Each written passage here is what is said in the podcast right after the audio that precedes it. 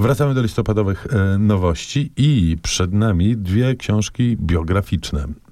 No, biedna, bardzo gruba i podwójna, bo oczywiście nie możemy pominąć milczeniem takiego wydarzenia, jakim jest publikacja książki Klementyny Suchanów pod tytułem Gombrowicz, ja geniusz. To obszerne dzieło, rzeczywiście dwutomowe. W ogóle niesamowite, bo to jest pierwsza biografia pełna Gombrowicza. Wydawałoby się, że Gombrowicz już biografii pewnie mieć 15, a tak się jednak nie stało.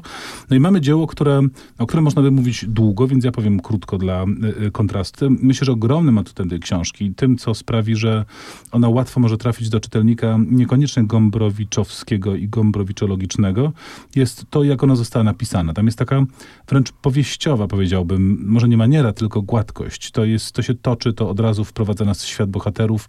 Y, Klementyna Suchanów po prostu bardzo dobrą pisarką jest i y, możemy czasami wręcz zapomnieć, że to historia y, biograficzna, bo to się rzeczywiście czyta jak taką niesamowicie przygodową obyczajówkę.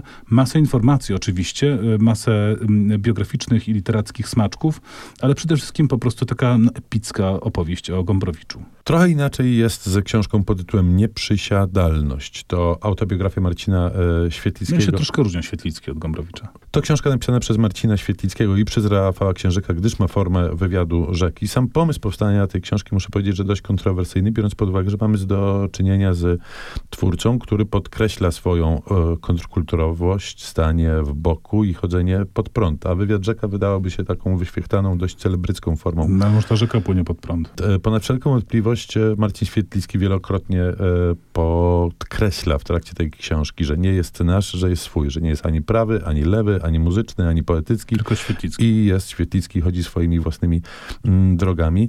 I ja tak naprawdę bardziej bym się ucieszył z książki takiej, jaką popełnił przywoływany zresztą wielokrotnie na kartach tejże mm, Bob Dylan pod tytułem Kroniki, no bo to chodzenie pod prąd i to bycie obok i bycie z boku wiąże się też z jakimś takim gigantycznym poczuciem samotności, którego tu możemy się domyślać tylko między wierszami, mm, gdyż e, książka ta wypełniana jest e, a. faktami, b. anegdotami, c. rozważaniami na temat poezji i muzyki. Wszystko to bardzo e, ciekawe, tylko od Świetlickiego chciałoby się jednak trochę no, więcej. Czyż nie odwiesił jeszcze pióra, nie jedno może zrobić.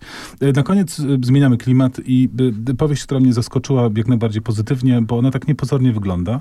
Nazywa się to W ciemność. Jest to debiut powieściopisarski czeskiej poetki. Który przynosi nas na letnie łąki. A autorka nazywa się Anna Bolawa. To jest historia opowiedziana w pierwszej osobie przez zielarkę. Kobietę w nie do końca określonym wieku, ale no nie bardzo młodą i nie bardzo starą na pewno, której życie polega na zbieraniu ziół. I w ogóle zasadnicza, y, zasadniczy trzon tej powieści to jest właśnie zbieranie, suszenie, segregowanie. Ona chodzi tutaj kwiaty lipy tam. Bardzo to jest sympatyczna aktywność, umówmy się. Y, sympatyczna, ale jednocześnie widzimy po pierwszym rozdziale, który wprowadza nas w taką sielską, letnią atmosferę, widzimy, że tam coś jest niepokojącego w tej postaci, że coś się w niej dzieje. Są też takie momenty, gdzie ja przy czytaniu miałem wrażenie, że chyba coś przegapiłem, chyba coś mi umknęło, ale potem okazało się, że nie, że umknęło, tylko rzeczywiście dzieją się w tle historie, które no, wprowadzają pewien niepokój i zdajemy sobie sprawę, że tam się naprawdę dzieją rzeczy mm, no, mroczne. Ja mówię tak mętnie, żeby nie zdradzać, broń Boże, fabuły. Więc jest to oczywiście kapitalnie napisana. Niesłychanie klimatyczna opowieść o rozpadaniu się osobowości, o tym, co dzieje się z tą postacią zanurzoną w świecie roślinnym i ta roślinność jest tutaj doprowadzona do absolutnej perfekcji. To roślinności można sobie przy okazji trochę powąchać i przypomnieć, bo e, jako żywo nam jej teraz brakuje. Tak, więc to jest taka książka y, do wspominania w listopadzie. I to by było na tyle, jeżeli chodzi o listopadowe nowości. Jest ich oczywiście dużo, dużo więcej niż zmieściło się w dzisiejszej piątce. Będziemy do nich wracać na tysiąc różnych sposobów w następnych odsłonach.